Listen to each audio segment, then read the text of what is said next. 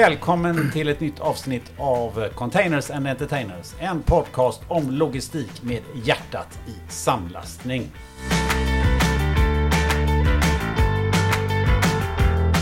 Eh, Linus Alm och Peter Mike är med oss som vanligt. Ja. Eh, dessa giganter som man skulle kunna säga förkroppsligar själva samlastningens essens. Så skulle jag vilja uttrycka det hela som. Eller de är liksom som välstuffade 40-fotare med erfarenhet och kunskap som ingen annan i den här branschen. Eller som vi säger, Jesus Christ of Consolidation. Det är liksom...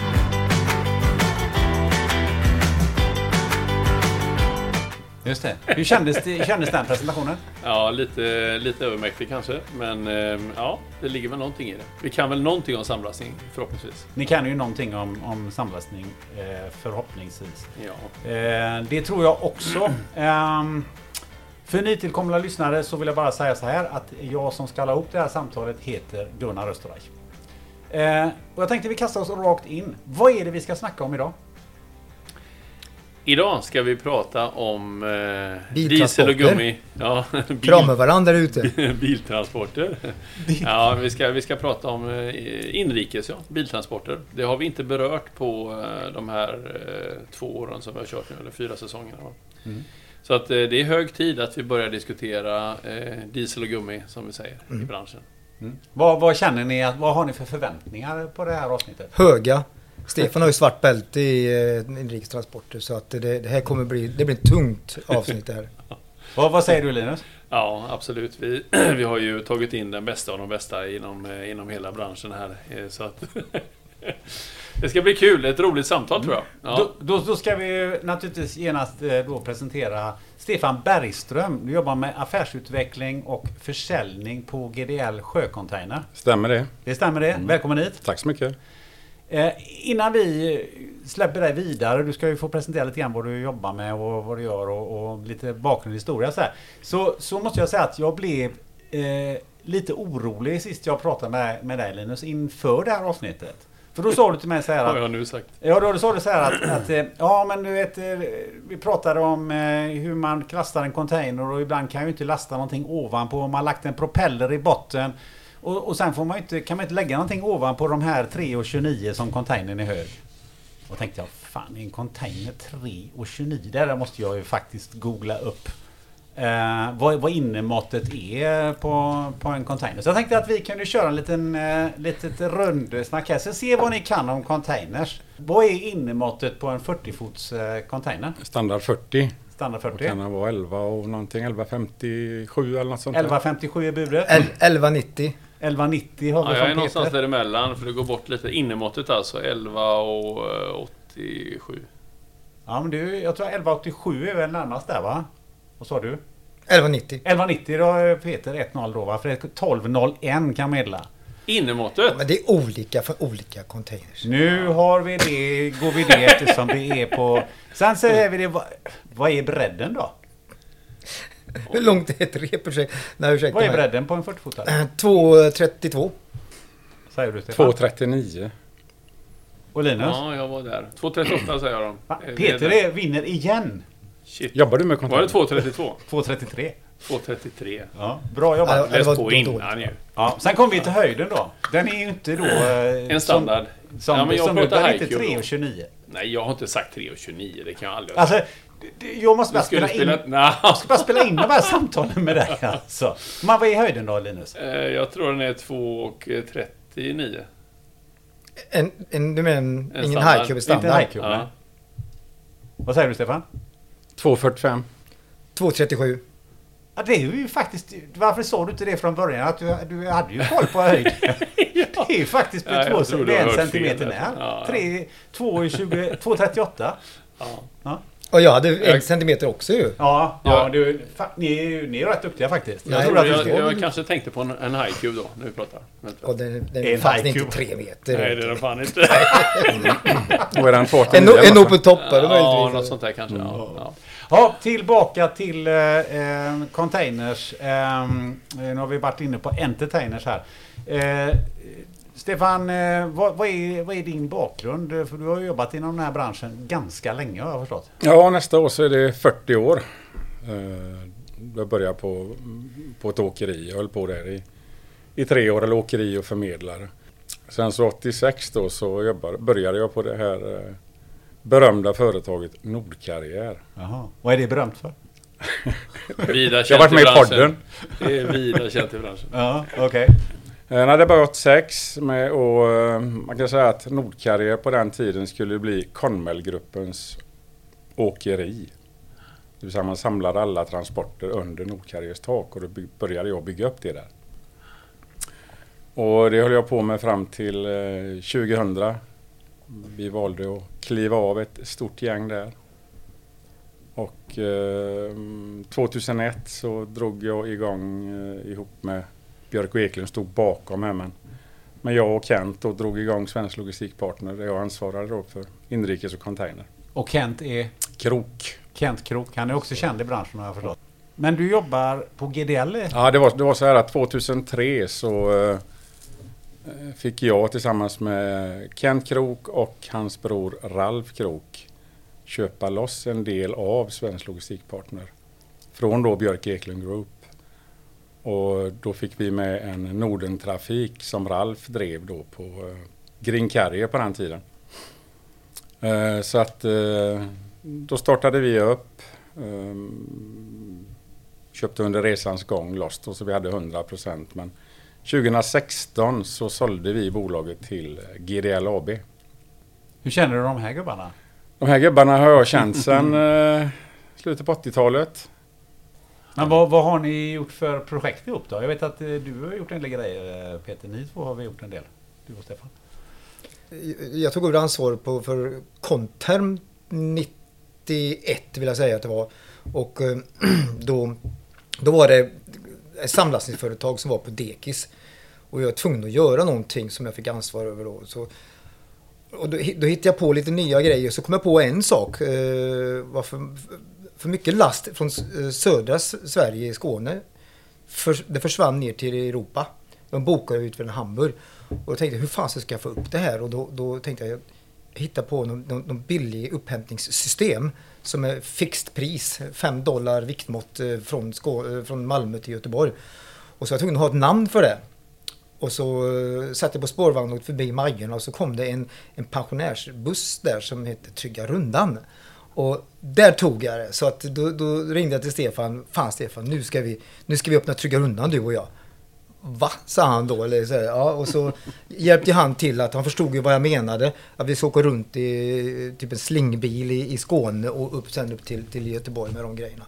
Och det var ju först eh, en gång i veckan, sen blev det ju tre dagar i veckan. Och sen blev det varje dag i hela Sverige vill jag säga sen. Alltså, den blev jätte, jättesuccé verkligen alltså. Den stora grejen med den var just förenklingen av Ja. att alla satt tidigare när det gäller styckegods, upphämtningar, utkörningar eh, och räknade på stafflade skalor och skulle räkna om viktbaserade tariffer till en viktmåtttaxa som man har på sjön. Och oftast räknar man per kubik och liknande. Eh, Och enkelheten i att göra den i dollar och göra den som, en, som per kubik helt enkelt. Och att omräkna risken låg hos eh, oss i det Mm. fallet. Då. Så det var ju en, en revolutionerande grej faktiskt som Ja, det var förenklade det. samlastningen. Och så en bokning. Ja, precis. Det var en bok som bokade Ja. inrikes och, och sjötransporter med, med oss då. Eh, Men, men det, det, tog, det, stark, det Stefan har gjort så, det är att jag som inte kan bil överhuvudtaget, jag har en idé. Att eh, kan man göra så här och, och, och, och vad ska jag säga, förenkla saker och ting. Han gjorde det ju, alltså, att, möjligt. Att han rullade till det på sin, på sin bilsida. Eh, så att jag kunde presentera någonting på marknaden då. Så att det var ju hans styrka. Och idag är det ju ganska vedertaget kan man säga. Mm. Det är ju På- eh, på flera den- som erbjuder detta idag. Ja, så är det. Men på den tiden så, så eh, kunde vi använda containerbilarna och skicka runt dem och, Mm. och hämta upp. Inte om det var paket liksom, men, men om det var några pallar så kunde containerchaufförbilen, liksom, han hade lossat sin container, åka och plocka in de här pallarna och så upp till terminalen för att eh, vi drev ju terminalen också i, under många år, där kontan var. Så att eh, nej, det fungerade bra, men sen i takt med att eh, arbetstider och annat eh, har så att säga skärpts så, så finns ju inte den tiden för en containerchaufför eller en, den typen av, av bilar. Och, åka runt och plocka styckegods. Det äter ju upp för mycket av den arbetstiden så att säga, som krävs för att kunna ta nästa container. På, på vad sätt har den skärpts? Nej, reglerna har ju skärpts. Så du får bara köra ett visst antal timmar, sen måste du stanna. Alltså det, det var ju så, nu är det ju digitala färdskrivare, det fanns ju inte på den tiden. Men hade du kört dina timmar så kunde du bara slänga ut bladet genom fönstret har man ju hört historier om. Eh, Eller stoppa i kompisens blad ifall polisen skulle stanna. Så att det, det var enklare förr. Så du menar alltså Peter att, med det jag sagt, så att Trygga Rundan byggde lite på lite halvkriminell verksamhet? Ja, det får ju stå för Stefan då. Ja, det var som jag sa, det var han som lurade till det lite grann på sin sida. Jag, jag fick bara produkten. Eh, men ni har ju kört en annan grej också. Genvägen var väl också en sån sak va Peter? Ja, men det var, det var som Linus sa, att det här blev vedertaget det här med Trygga Runda. Så, som samlastare då, som var tvungen att ha eh, en sån transport, eh, alltså system. Och våra konkurrenter de anammade ju det där och kallade det vad det ena med det andra. Eh, sen sen eh, lämnade ju Linus och jag eh, Conterm och startade Nordicon. Och då eh, nämnde jag upp det, eh, ja, då bytte jag namn till Genvägen. Så det det är same shipped, same shipped but different. Det har ju hänt rätt mycket de senaste åren. Man, vi har ju haft en, en pandemi. Mm. Hur, hur har den tiden eh, sett ut för er? Jag kan, säga, om, om jag kan backa bandet lite grann där. Alltså, när GDL köper Svensk Logistikpartner 2016 så är det ju en aktör mindre på marknaden. Sen 2017 så köper GDL även SCT. Då är det ytterligare en mindre aktör på marknaden. Så att, Hur många aktörer pratar vi om? ja, nu, nu är vi ju, vi är ju tre stycken som, som jobbar i, i, idag med, med container, alltså stora aktörer. Och sen kom då eh, pandemin. Ja, så kom pandemin och det är klart att, att vi började permittera folk och blev livrädda här när, när vi såg vad som, vad som började. Nu hade vi lite flyt där för tack vare att Europa stängde ner så, så gick ju det här sågade virket väldigt bra så vi kunde hålla igång våra, våra tåg, tåg framför allt som är det dyra, alltså det är dyra att producera. Men sen så någonstans där i maj, juni så blev det ju bara full fart 20. Och, och 21 har ju varit ett, ett kanonår och hittills 22 också. Nu är det ju mörka, mörka moln på himlen eh, man, oavsett vem man pratar med. Men, men eh, so far so good. Men vad är det som påverkar er mest just nu? Du pratar om mörka moln. Vad är det? Nej men det, det är ju sjunkande volymer. det är det ju. Att volymerna sjunker. Jag menar, eh, som jag sa innan, vi jobbar mycket med tåg och om inte vi kör dem fulla så, så slår det ju rätt snabbt åt andra hållet. Vad, Mm. vad, har ni märkt någonting på senaste Ja, Tiden men det är, ja, det- är ganska synonymt. Alltså, så som vi ser på, på hela, hela branschen egentligen. Att eh, det har ju varit eh, otroligt uppåt här 21 och, och hittills 22 som du säger också. Men, men eh, det är klart att med alla de här omvärldsfaktorerna som är så är det klart att eh, alla förväntar ju att eh, handeln och konsumtionen ska tryckas ner. Inflationen ska tryckas ner och eh, blir det mindre handel och mindre konsumtion så blir det mindre transport av varor. Eh, så att eh, exporten kanske inte i samma utsträckning kommer att vara påverkad i det korta perspektivet tror jag. Med, I alla fall inte från Sverige med en svag krona också. Men, men eh, på importsidan så, så eh, börjar vi också redan nu se tendenser att det bokas mindre volymer. Och det är väl så alla, alla eh, kunder, speditörer, andra samlastare som Mm. man pratar med ser ju samma tendenser. Och det kommer ju naturligtvis slå på även på bilsidan då. Import av varor ifrån Europa eller överhuvudtaget förflyttning av varor inom Europa går väl ner och blir det mindre import av varor som ska ut till slutkonsument i Sverige så blir det ju mindre lokala eh, inrikesdragningar också. Vi pratar just här om sammanslagning och så vidare. Hur ser det ut på, på åkerisidan? Har du någon bild av det Stefan? Eh, Vad, vad har vi sett för sammanslagningar där och vad, vilka stora aktörer har vi där? Så jag har inte sett några så egentligen, men alltså tittar man på de som är, som är stora så är det ju, alltså det är ju Schenker Åkeri, Sandalsbolagen och eh, Börjes Transport i Nybro är tre, är ju tre gigantiska åkerier. Eh, jag, jag tror att eh, går, går ett åkeri i konkurs så kommer det någon annan. Alltså det är ju så, det är ju omsättning, alltså det bara försvinner någon så kommer det upp någon ny. Men jag tror det är väldigt sällan egentligen som, som eh, Kalle och Nisse går ihop för att de måste rent ekonomiskt. Utan, alltså tar du smååkerier så kämpar de på. Det är många gånger generationer som kämpar på med det här. Eh, många är nischade. Många kanske kör för någon, har kört för något företag som man har hållit på med i många år. Visst, om det bolaget säljs så kanske det finns någon stor åkare där som måste gå in. Men det, jag, jag tycker inte att Alltså det man har hört genom åren är ju att typ Schenker, DSV, DHL, de här, de har ju köpt upp åkerier för att de måste upprätthålla sina servicer. Så Schenker Åkeri, vad har de idag? 1100 bilar någonting. Mm. De har ju varit tvungna för att liksom inte deras trafik ska, ska rasa ihop. Skulle du säga Stefan att det har blivit, som i så många andra eh, nischer inom transportlogistik, att det är svårare för en, en enskild åkare eller några gubbar som har, köper in bilar och startar ett eget åkeri. Har den, är den tröskeln högre nu än vad den var förr? Definitivt. Ja. På grund av alla, alla krav som kommer från, från marknaden så att säga. Ja. Och lite grann att du måste vara stordrift och effektiv och sådana saker för prissättningen. Ja, du, ja precis. Men alltså är du nischad och har en bil så kan du alltid gå in och köra någonstans. Liksom. Du, du kommer ju aldrig vidare med det. Nej. Men, men om du, om du eh, ska in och leka så, att säga, så måste du ju eh, bli större så att säga. Men hur, hur är det med åkerierna?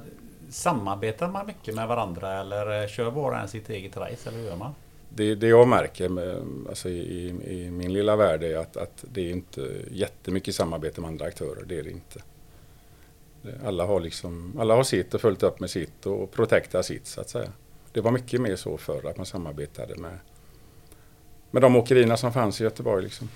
Min reflektion är att det är ju ganska konstigt att, eh, att man inte samarbetar mer. Mm, ja, på ett sätt är det ju det, men om, om man drar en parallell till, till, eh, till samlastningen på sjö så är det väl precis likadant. Att man väljer att inte att bilasta med någon annan. Man väljer hellre att eh, lösa problemet själv än att stärka sin konkurrent. Det är lite grann så man ser det då. Att okej, okay, jag ger de här 10-15 kubikmeterna till min konkurrent och då får ju eh, han eller hon en jättebra container. Eh, och då blir de starkare. Så sen, att, ja. sen finns det självklart åkerier som man sa i olika områden som samarbetar. Att man, man, liksom, man har sina kunder och man vet att, att det liksom är skyddat. De skäl inte gods av mig utan jag kan boka två pallar med den bilen. Liksom. Istället ja. för att de ska stå till imorgon. Det, det förekommer ju naturligtvis. Ja, egentligen borde det ju ske i större omfattning än vad det kanske gör. Både inom samlastningen och, och, och bilsidan och se på rederierna. De har sidan... sina slottcharteravtal med varandra och lastar på varandras båtar. Så varför skulle inte Men det är, det är här jag tror att, att eh, om man tittar på styckeparti så kommer ju då kanske de här ja, transportören, fraktkompaniet och de, där kommer ju de in i bilden. Mm. De de lastar ju mångt och mycket med, med samma åkerier på, i de olika regionerna om de inte har egna bilar eller egna linjebilar som går. Mm.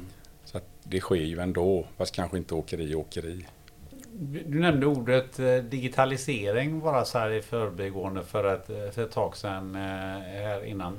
Vad, vad, vad har det inneburit för er och vad, vad finns det för utmaningar där? Alltså det är ju en, det är en jätteutmaning egentligen för att eh, det är en konservativ eh, grupp de här chaufförerna. Jag vet ju när vi 2018 så ska vi dela ut alla jobb via en app.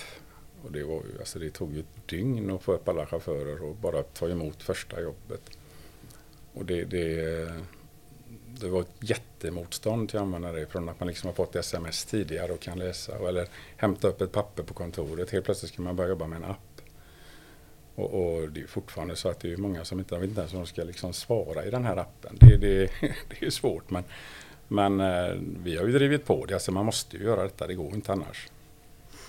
Så att vi kan automatisera från oss, skicka ut orden och så statusuppdatera tillbaka och så ut till statusrapporteringar till, till kunderna på det sätt som man då vill ha det. Mm. Men vi kan, ju, vi kan ju ta upp en sak som vi var, var lite föregångare till i alla fall när det gäller Eh, vi, vi pratar mycket om inom samlastningen, eh, eller inom logistiken generellt sett, med Milestones, så att man ska liksom eh, rapportera när godset har eh, liksom landat på en viss punkt liksom, i hela logistikkedjan. Och där var ju vi lite grann föregångare också, att sätta press på åkerierna att kunna rapportera in när godset levererades eller hämtades upp. Och så, så det blev en del i våran eh, logistikkedja och våran, våra milestone så att säga. Då.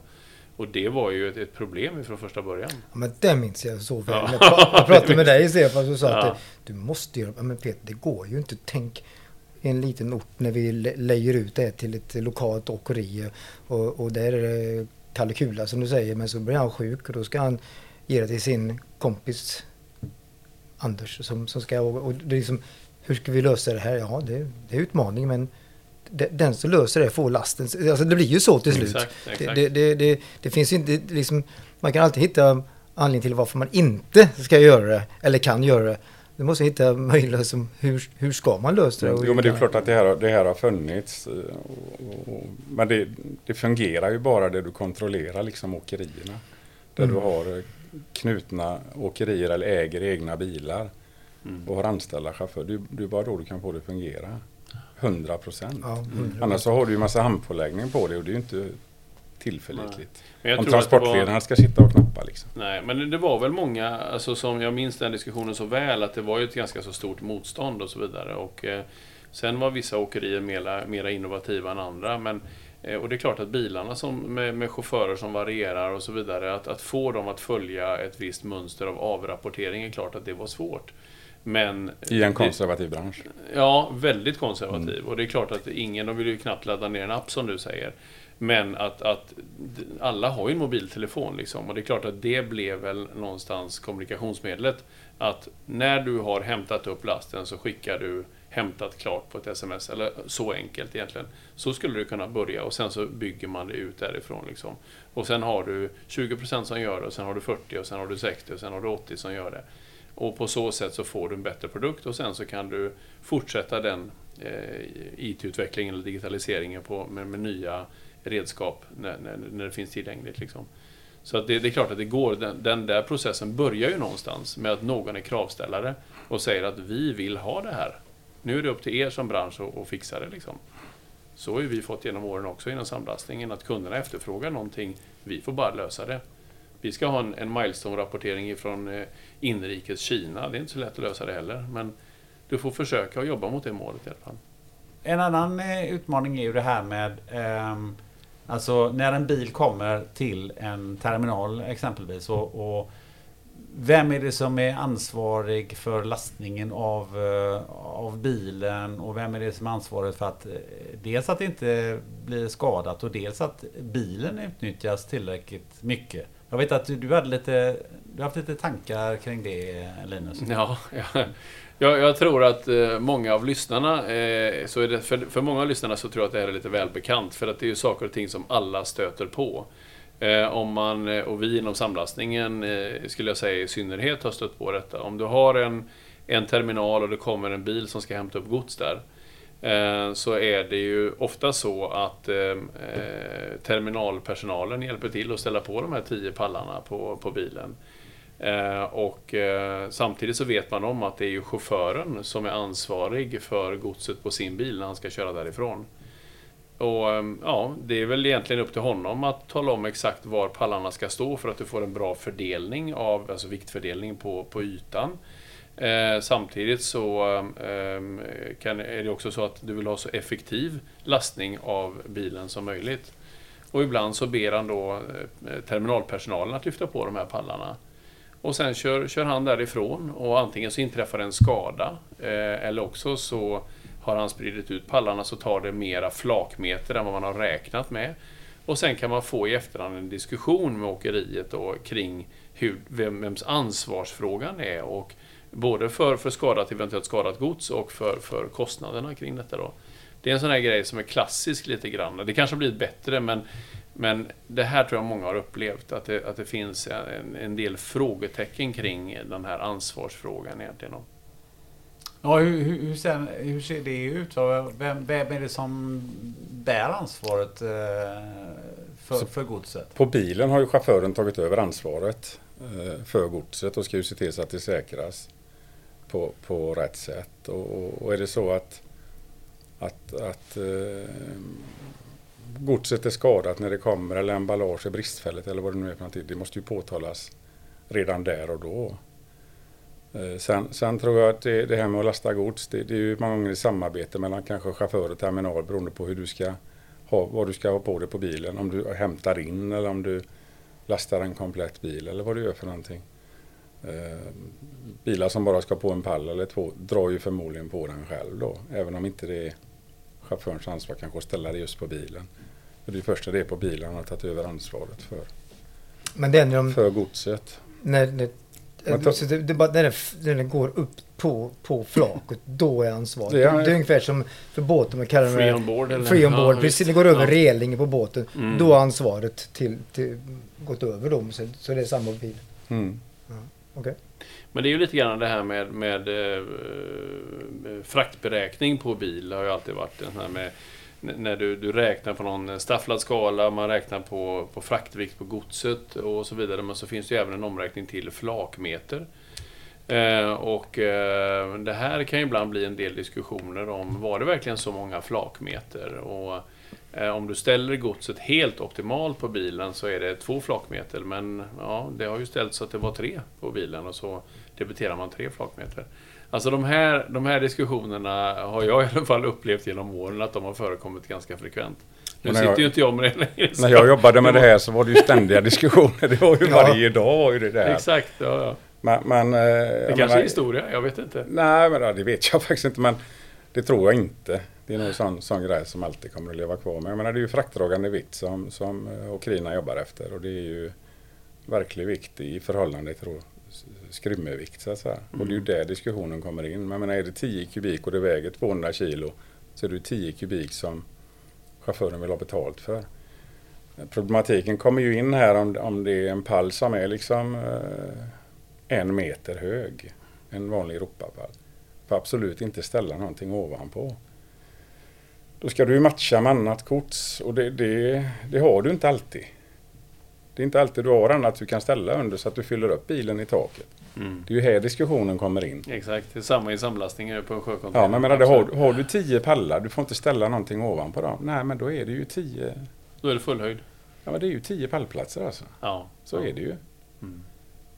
Men hur mycket använder man digitala verktyg i det här sammanhanget? Alltså man, men typ, man har man, kan man ha Ja, men- kameraövervakning? Jag kan tycka som idag, det är ju så lätt att ta en bild och skicka in i en app exempelvis eller via ett mejl. Jag menar de sitter ju med paddor och allt möjligt. Ja. Ta en bild på sändningen och skicka in den till sin transportledare eller då direkt kanske till, till speditören. Innan var det ju mera ord mot ord liksom. Ja, Att hela en- tiden. Två Ja. part man anser olika saker bara och så blir det en dispyt och så är det någon form av gråzon där vem, vem som bär ansvaret och vad som egentligen var rätt och fel. Men, men på avgående, det kan ju terminalen avgöra vad, liksom, hur, mycket det skrymmer och det ska de här skriva på fraktsidan också. Om det nu skrymmer två meter, eller två flockmeter, Ja. då ska de ju skriva det så det inte blir en diskussion där. Mm, mm.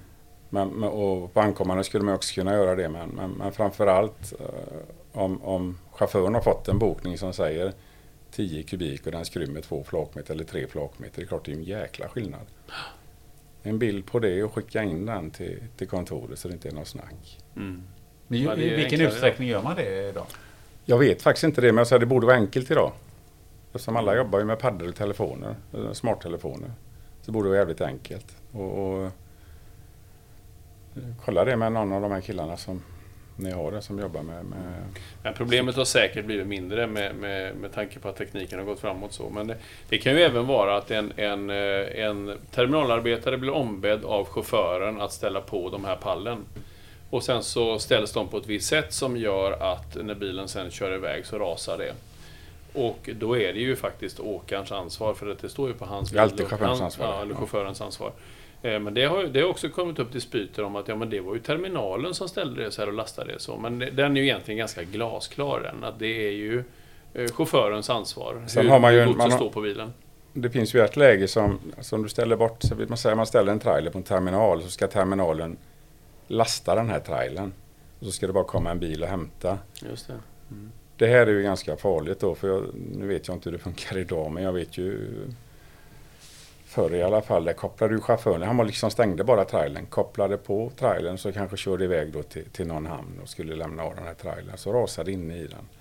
Han har liksom inte kollat hur det står, de har inte säkrat, terminalen har inte säkrat lasten kanske. Och där ska ju chauffören, då måste han ju gå in och lasta, han är ju ansvarig. Mm. Jag vet ju bilar som har blivit stoppade som har lastat pappersrullar eller pallar och, och eh, inte säkrat. Och det, det är ju... Ja, det är ju en Det är ju trafikfara, självklart, ja, absolut. Ja. Hur mycket, hur mycket förekommer det? Alltså, för det måste vara svårt eh, också för chauffören att Jag tror kontrollera även... allting. Ja, det är klart att det är, men, men eh, Problemet kan jag tycka det är när du kommer in en plombad trailer i hamnen. Hur ska, hur ska han kunna veta? Alltså, du får inte bryta en plomb på en trailer som kommer in. Och ändå är det chaufförens ansvar när han kör iväg. Den är ju lurig. En plombad trailer, men inte en plombad container. Utan en Nej, men om man tar en, en, det är inte lika farligt i en, i en container. Nej, där har du plåtväggar. Men jag tänker en Ja. kapelltrailer. Ja, ja. Hämtar den i, i hamnen och så kör du ett par mil och så kalvar liksom hela lasset. Det är ju fortfarande chaufförens ansvar för han ska ju förvissa sig om att godset är säkrat. Även om man hämtar en plombad. Ja, Ja. Jag jämför lite grann med sjön. Där är ju Shippers Load Storage and Count. Liksom, att eh, chippen lastar enheten och allting som händer innanför de eh, väggarna där inne, det är chippens ansvar. Men det är lite skillnad då kanske med en, en kapelltrailer där Mm. du faktiskt kan ge dig in i containern och inspektera lasten. Då. Men är den plombad så är den ju plombad. Ja. Ja. sen beror det på vad det är för plomb naturligtvis. Om det är tullplomb eller... Det kan jag inte. Alltså, Nej. är det en tullplomb, ett förfarande. Är det en vanlig så att säga, sigill på den bara som inte har med tullen att göra, då ska den ju öppnas. Ja. Så Men, men i en del i dialog naturligtvis. För att förvissa sig om, om att grejerna står på rätt sätt. Så även i det fallet som, som avlastaren själv har plombat eh, efter att han har lastat så är det chaufförens ansvar. Chauffören ska egentligen Det, är inspektera. det som hänger bakom bilen som rullar på vägen är chaufförens chaufförens ansvar. ansvar. Mm. Om det händer någonting. Tungt ansvar för, för Mm. chaufförer och det är ju inte så himla gott om chaufförer. Har jag förstått. Hur, hur ser det hur ser chaufförssidan Bra ut? övergång där. Ja, Ja, det är snyggt va? Ja, det var det. Vi kallar det P3-övergång. Ja, eh, ja, men hur ser det ut på, på chaufförssidan? Eh, Skulle du vilja säga, vad är din bild Stefan? ja, nu är jag inne på Europa då som inte var min grej här. Men, men alltså, jag läste något som Thomas Enroth hade skrivit här att det liksom saknas 400 000 chaufförer i Europa. Han hade ingen, ingen riktig koll på hur många som saknas i Sverige. Men det läste jag någon siffra på, på runt 5 000 chaufförer. Men nu är ju det då hela, hela branschen naturligtvis.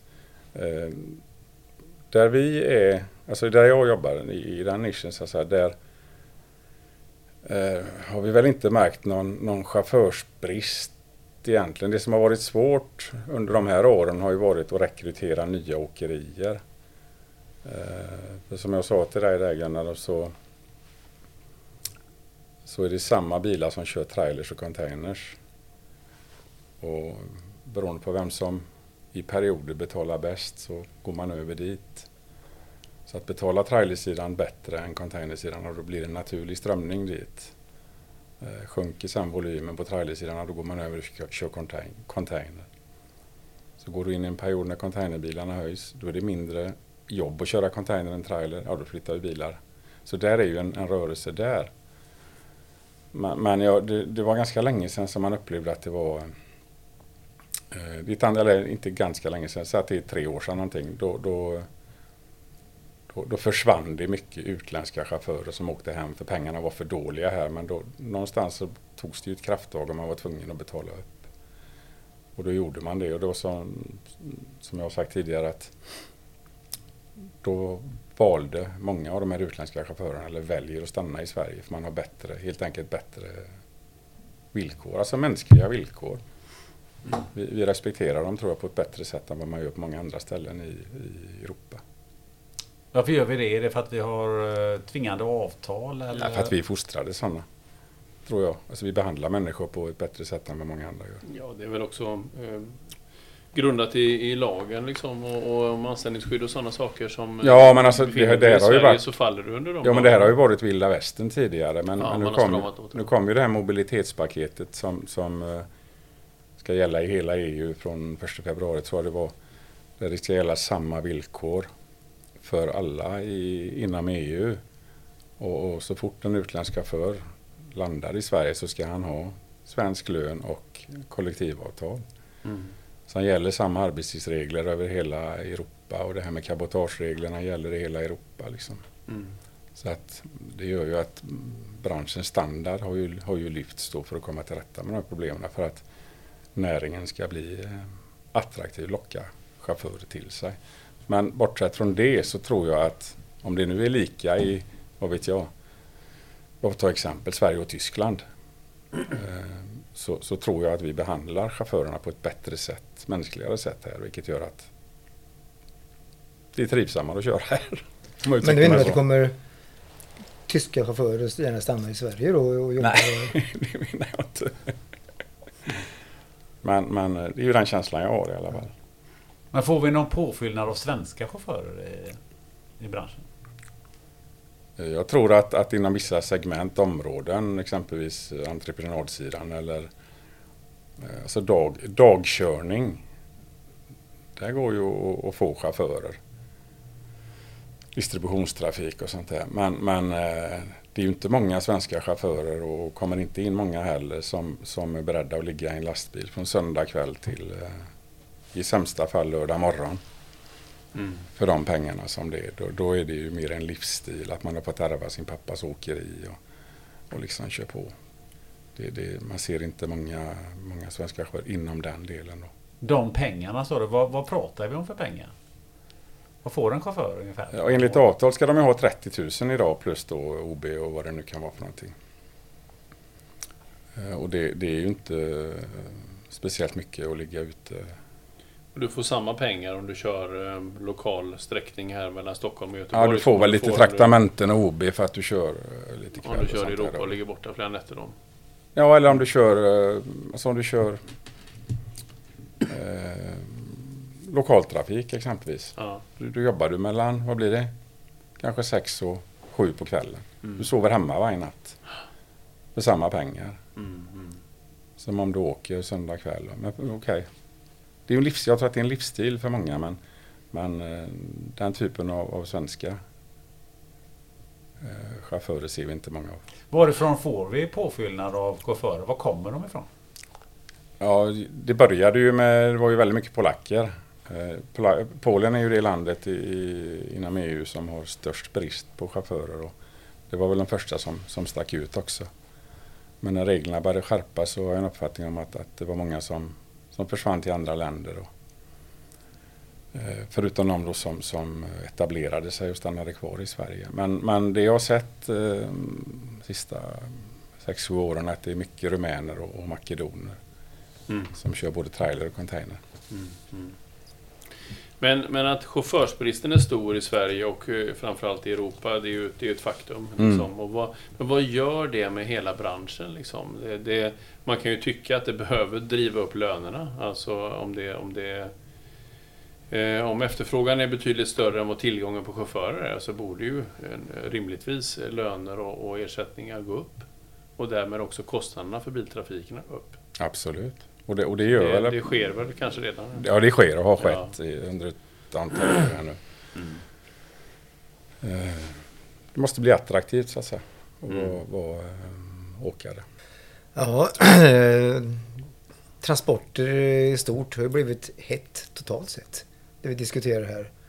Ja, men det är till och med bekanta. Jaha, sysslar med sjötransporter. Vad spännande. Ja. Ja, var det med båten som stoppade i... Jag har aldrig hört liksom. Jaha, och vad sysslar du med? Jag transporterar. Jaha, okej. Okay. Kan jag ta en öl nu då? Alltså, det var... Nej, det är så här, så här, vad, vad sysslar du med? Ja, jag jobbar med sjötransport. Och vad gör du då? Jag är aktiemäklare. Ja, skit i det. Men vad, vad, ja, sjötransporten var intressant. Ja, ja, men det är så hett nu alltså. Så ja. att, eh, ja, man tänk, jag tänker på det blir en sån förändring att det kommer till, till Europa. Alltså, logistik i stort, det, det, det blir, väldigt mycket utmaningar och mycket fokus. Och, så, så det, det är hett. Det, så är det ju. De här frågorna... Jag säga, en, ja, men det, ja, precis. Det är liksom aldrig snackar om transporter så mycket som vi gör nu. tycker jag det är bra. Men... Det är jättebra. Det, det, jag tror det är i varje styrelserum och jag tror att det är högt upp inom, inom EU också. Liksom, om man pratar om det här. Det här är ju en infrastrukturell fråga. Liksom. Hur fasen ska man klara av? Ska verkligen vägnätet i hela Europa belastas med eh, milslånga köer med, med trailers, liksom, med bilar? Borde man inte separera persontrafiken och godstrafiken på något sätt? Liksom? Och det, det här är ju... Eh, det är nöt att knacka, är klart. Ja, Mm. alltså det här är ju någonting eh, liksom för, för eh, om 10, 20, 30, 40 år. Liksom. Men, men det här är ju saker och ting som, som måste lösas. Liksom. Jag, eh, jag tror att järnvägsnätet kommer att byggas ut enormt mycket i Europa. Det tror jag. Men eh, på bilsidan, det kommer ju fortfarande gå väldigt, väldigt mycket bil. Liksom. Och, och hur löser man detta? Det är ju en jätteutmaning. Alltså. Mm. Men jag funderar på om vi nu pratar Sverige till exempel. Om, om vi säger att vi skulle öka trafiken här med en ja, 5, 6, 7, 8 procent överlag. Var, var någonstans tar det stopp först i, i Sverige tror du, eh, Stefan? En grej där, alltså tittar man på, på inrikes en sak som vi som, som reflekterat över är ju att det går exempelvis väldigt mycket bil ifrån Skåne till, till Stockholm. Och det är klart att, att eh, någonstans så, så korkar det ju igen alla infarter när man ska eh, lämna då Skåneregionerna och när man ska upp till, till Stockholms, eller med, Stockholm-Mälardalen. Och, och det är ju ett sätt, det är ju att börja köra inrikes på järnväg. För det finns ju utrymme för på de här, i alla fall på de stora sträckorna. Mm. Så som Sandalsbolagen har gjort med, med sitt Norrlandsgods där man nu kör tre tåg på Norrland. Startar ett eget järnvägsbolag. Så det, menar, det är ju ett sätt att flytta, att flytta eh, last från bil till järnväg. Allting går ju inte att, att köra på järnväg, eh, alltså fryst och sånt här, men, men väldigt mycket, mycket insatsvaror eller så går ju att köra på, på järnväg. Men det är nog samma där, att det är lite konservativt. Det, det, det är gummihjul liksom. Gummihjul och diesel det ska rulla på. Men, men eh, där, där måste nog de stora då, aktörerna kanske tänka till och, och titta på det. Mm. Men finns det kapacitet på järnvägen eh, fortf eh, Ja, jag, fortfarande? jag, ser, jag ser ju bara idag, alltså vi driver ju en terminal nere i Helsingborg, en, en gammal kombiterminal där och det finns ju hur mycket utrymme som helst för, att- för att köra tågtrafik till, till, till exempelvis eh, Mälardalen eller Stockholm-Årsta. Mm. Rosersberg är också en, helt, en, en enormt stor terminal så att eh, verktygen finns. Men jag tror att På du de ska få åkerierna att ställa om Ja. på de, lång, på, de här, på de här långa sträckorna. Ja, långa sträckorna och där det går väldigt mycket. Där man, du skulle kunna rita upp en karta över Sverige och säkert dra ett antal linjer så här där, där den stora majoriteten av lasten går. Ja. Och att kunna lägga över väldigt mycket av det på järnvägen, det måste ju vara framtiden. Sen, sen eh, har vi inte kommit in i någon miljöaspekten ännu, men, men, men där har du också en, en, en stor omställning. Liksom, att, att köra gummidiesel liksom, eller köra dieseldrivna Nej, men ska, vi bilar. nå, ska vi nå målen så, så, så måste vi ju börja titta på det. Ja. Jag tror inte det är en väldigt motstånd av de traditionella slingbilarna. Jag, jag, bara, jag bara tänkte när vi drog igång en, en, en annan idé som vi hade för ett par år sedan att nu ska vi göra samlastningar från Gävle eh, till Asien. Och, och jag var uppe väldigt mycket, startade upp i Luleå och, och åkte neråt och sålde den transporten. Och, och det, det, liksom, det tog ju tvärstopp. För att Mm. det gick ju gummi eh, från Luleå hela vägen till Göteborg. Att, att jag, stör en, jag störde hela, ja, hela, visst, hela visst. näringen där Mm. alltså. Så att, så att det, det gick de in och bara, och bara korta ner alla priser. Så att eh, min... Frös ut oss. Ja, det var det. satsning på Gävle. det gick åt helsike. Ja. För att det, alltså man kan förstå att business försvinner så, men att det, det, det är den traditionella här har vi kört i 30 år, vi ska fortsätta med det i 30 år. Alltså att det, det, Men vi kommer, Det med på, svårt. vi kommer med på TV4-nyheterna i alla fall. det var vi. Jajamän. Det kommer jag så väl ihåg när jag vaknade bakis som en åkersork. Och så hör- står jag där och borstar tänder och tittar på eh, det Göteborgsbaserade företaget Nordicon. De ska eh, in- investera 2 miljarder i Gävle hamn. De ska eh, Muddra hamnen. muddra hamnen och jag, och jag bara what the, ja. Jag ringde till dig. Vad har vi lovat i år? Ja, det var en felsägelse. Ja, vi var- kommer med på nyheterna. Ja, det var det. Ja, det är bra jobbat. Nej, men, vi ska lämna järnvägen strax, men en sak jag funderar på just runt Göteborg måste väl ändå vara ganska tjockt. Vi har ju haft här andra gäster som har pratat om att eh, järnvägskapaciteten på, på eh, järnvägen mellan Göteborg och Stockholm är ju inte... Det är ju ganska fullt där. Det är persontrafiken är ju väldigt eh, alltså, belamrad upp igenom det. Men jag, vi, jag ser ju, vi kör ju till, till jag vet inte vad den stambanan heter då, men, men vi kör ju mycket upp till Mälardalen, både Hallsberg och Eskilstuna. Och det är många tåg som går där. Eh, vad man gör är ju att man, man, man prioriterar ju persontrafiken på liksom de, de bästa tiderna. Så får vi ju köra på, på natten eller på, ja, på tider som inte persontrafiken är ute och åker.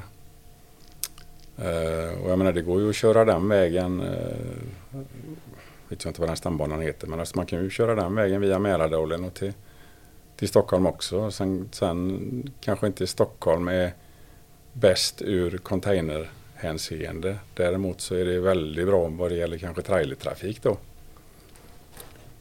Um, så det, det, det, tror jag definitivt går att lösa. Man får köra tider helt enkelt när, när inte persontågen eh, rasslar. Kommer en ny övergång där eh, Linus? Vad? Tåg går ju på el och ja. eh, bilar ska ju också gå på el så småningom. När får vi... När, när tar elfordon över här, tror du? Jag tror aldrig det kommer att hända. Däremot att det kommer att, att, att eh, bli mm, alltså mycket elfordon i närtrafiken där vi har då laddinfrastruktur eller bygger upp laddinfrastruktur. Men tittar man på fjärrtrafik eller nere i Europa, det finns ju ingenting. Kan ju knappt köra personbil nere i Europa på el idag. Mm. Så att eh, visst, det, det, det kommer att funka som jag sa i närtrafiken här. Eh, jag tror det var ja, en av lastbilstillverkarna då, Volvo. De tror alltså inte att mer än, mer än 50 procent av så att säga, de tunga lastbilarna rent kommersiellt kan, alltså, kan inte elektrifieras på ett kommersiellt sätt. Det går inte att konkurrera med... Nej men alltså det finns inte infrastruktur nej, till det. Nej. Nej. Vad blir alternativet då? Är det diesel och gummi fortfarande eller eh, vad är alternativet då? Vätgas kan ju vara en, en sak. Uh, nu är det ju oerhört dyrt att framställa. Men, men lättare att distribuera och, och lagra så att säga. Men oerhört dyrt som det är nu att framställa. Och där läste jag uh, att Volvo tror att man kan släppa de första någonstans i sista delen av det här årtiondet. Då. Man ska köra någon pilot.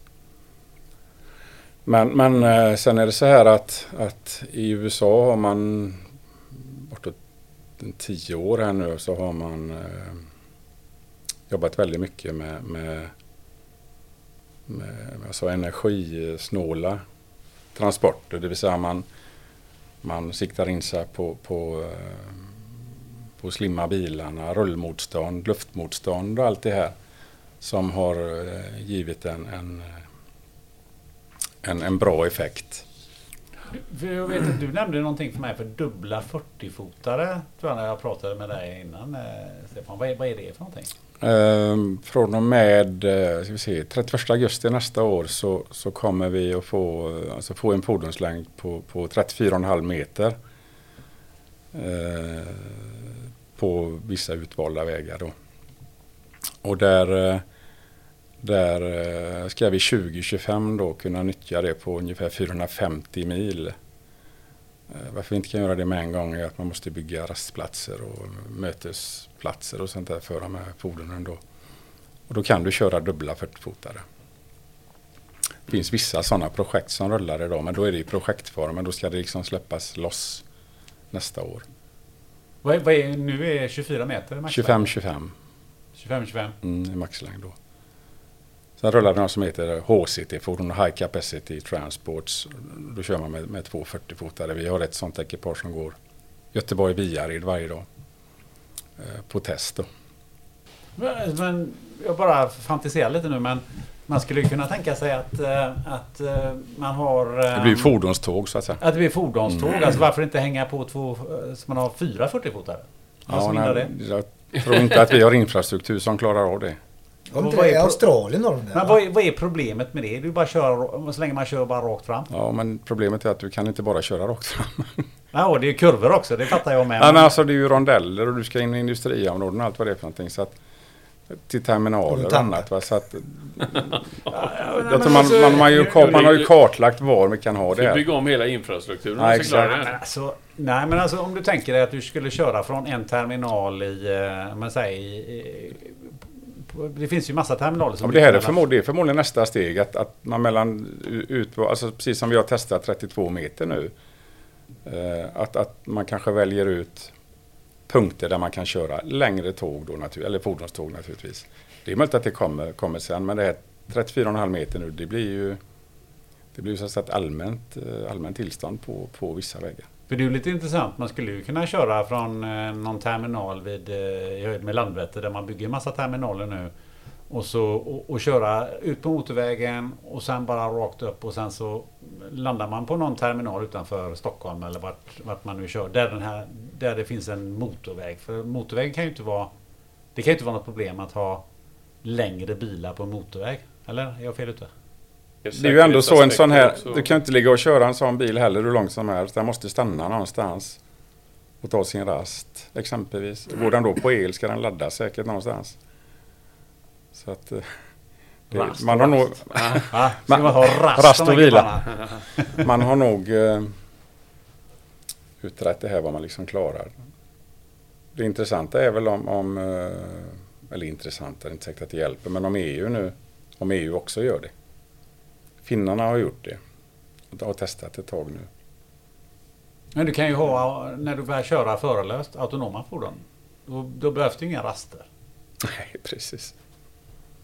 Där har vi lösningen Gunnar. Där har vi lösningen. Men det, det säger väl sig självt att det har, det har ju en massa eh, problem med infrastrukturen och att kunna hantera så långa fordon. Alltså du kan ju inte bygga om alla rondeller i, på, på vägnäten som du har idag. Men så länge du på Europavägar, det är klart att du eventuellt skulle kunna göra det om du löser rastplatserna då. Ja, ju, det, där Ja. har jag en grej va. Alltså, jag bor i Lerum.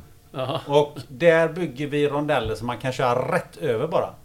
Så att vi ligger lite före den tiden. Vi har, vi har Ja. tänkt på de grejerna. Vi får lämna in en ansökan sen. Ja. Hoppas alla tänker på samma sätt då. Så inte någon kör i rondellen och någon kör rätt igen. Alla är välkomna till Lerum och kolla hur rondellerna ser ut i Lerum. Är det så? Ja, är inte det bra? Jag tycker det är ett bra eh, sådär avrundnings eh, eh, ord för det här. Men vi, vi har ju lite kvar. Ehm, eh, Linus, vad, vad har vi på gång avsnittsmässigt? Är det någonting vi vill avslöja? Vad, vad, vad kommer efter det här? Eh, ja, vi har ju ett, ett väldigt spännande avsnitt nästa tror jag. Efter, efter detta med, med åkeridelen här. Och det är ju att vi tar upp rederidelen igen alltså. Eh, med allting som händer på den globala marknaden med rederierna. Och eh, vi har en spännande gäst som kommer också ifrån ett av världens största rederier som kommer hit. Mm. Så det ska bli spännande. Det är väl det som ligger närmast i tid tror jag. Det ligger närmast i tid ja. Mm. Vi brukar också avrunda med liksom lite olika rekommendationer och lite annat sånt där som inte, som inte har så mycket med eh, vägtrafik eller eh, containers att göra. Så att, eh, men, jag, men jag tänkte liksom, eh, om, om vad ska jag säga, om du skulle bara fritt tänka Stefan. Är det någonting som du skulle vilja rekommendera? Alltså ett vin eller en, en semesterort eller en restaurang eller något annat? Vad du vill. Har du, har du en rek- är det någonting du skulle, bara så här spontant. Vad skulle du rekommendera? En god whisky. En god whisky. En eh, god vad- rökig whisky. En rökig whisky. Har, har du någon sort som du... eh. Lagavulin 16. lägger Volvo? Portellen. Goda grejer. Ja, det, det, Det är för, för det här är helt hieroglyfer för mig. Och om man nu får Alltså. avnjuta det i Skottland tror jag, vilket jag ska göra nästa vår, så är det, blir det nog ännu bättre. Och är, det, är det whisky och golf, Golf. kombinerat då? Det är den översta på bucketlisten. Vilka banor ska ni spela? Vet ej än, men vi ska i alla fall spela på Islay. Och så ska vi dricka lite whisky på Ska jag, alla restauranger. ska jag rekommendera den bästa banan som jag har spelat på i Absolut. Skottland? Yes, gärna. Kings Barnes. Kings Barnes har de pratat om. Den ska Ja, vi nog den, spela. Ja, den Mm. ska ni spela alltså. Det var en sån fantastisk upplevelse. Men just det här att få spela golf i Skottland på förmiddagen. Och sen åka runt till de här sex Islay-destillerierna och dricka rökig whisky på eftermiddagen. Fina grejer. Det är top of the notch, Gunnar. Det, det är top of the notch. Det är inte som Peter som bara dricker lårvin. Rött är gött. Nu, nu, apropå det, nu, nu eh, har Linus, har du testat det vinet som du glömde att du rekommenderade? Ja, har du, har du kollat upp det här? För jag kan inte minnas att jag har rekommenderat Nej, det är lika vin. lite som du minns att eh, containern var 3,29 hög. Ja, jag Har du, har du testat. Uruguay Garzon? Nej, Du har inte jag gjort kan, det? nej jag alltså? kan inte minnas det där vinet alltså. Nej, men har du, har du testat det nu? Vi hade, Nej, detta är ju nej, ett avsnitt nej. senare nu. Ja, nej. Nähä? nej jag, får, jag får ta tag i det till Ja, nästa du avsnitt göra. då, vilket Det- vi ska spela in imorgon. Så det blir ju, då får jag dricka vin på en tisdag. Ja, nej det ska du Ja. inte göra Nej, kanske. det eh, Reserva Tanat eh, 2020 Uruguay 14,5 procent. Produktnummer 3210. Oj. Ja, nu Ja, har vi det inspelat. så att, eh, Noterat, noterat. 149 spänn. Låter fint. Dyrfint. Ja. Har, du, har, har, du, har du något du kan eh, rekommendera Peter? Sådär, helt fritt. Ehm, oj, vilken överraskning att du frågar mig om det här. Ja, hur? Nej, men jag, jag är sucker för uh, rött är gött. Ja, ja. Det, Eh. men du, du, du kan välja något annat än rödvin. Alltså. Jaha. Du kan ju välja till exempel en maträtt eller något annat Jaha, du tänker kul så. att göra. Sådär, va? Så att jag, jag breddar detta nu Peter. Paddla kajak. Paddla kajak. Ja, det, det kom ju 20 meter kom jag ju. Sen, sen dök jag i vattnet. Så att, eh, det, det, det kan jag inte... Du kan rekommendera att inte köpa en sån kajak. Nej, nej inte, inte just den kajaken i alla fall. nej, nej men... eh, nej. Har du något annat du kan rekommendera? Ehm, Nu blir det svårt alltså. Va? det blir Tråkigt liv. Ja, ja men det, det är ju faktiskt så. Det är faktiskt så. Ja. Nej, det tror jag inte på Peter. ja. Har du gjort något kul på sistone? Något du kan rekommendera? ja, jag, jag har flyttat. Kan jag till- Flytta! En sån liten sak. En sån liten sak. Men det är skitroligt att kasta massa grejer alltså. Mm. Och, och, samla på sig i 18 år. Så att det är jäkligt roligt att bara glömma bort sen shit också. Vart tog det vägen? Ja, det har du redan kastat. Lite, ja, Flytta och kasta prylar. Mm. Det är din eh, rekommendation. Rekommendation, ja. ja, men det är, den är en rekommendation så god som någon. Stefan, Peter, Linus, ett stort tack eh, och till dig som har lyssnat på det här och tack till er tre för att eh, ni återigen har producerat ett avsnitt av Containers Entertainers. Tack ska ni ha. Tack, Tack, tack. tackar, tackar. Tackar, tackar.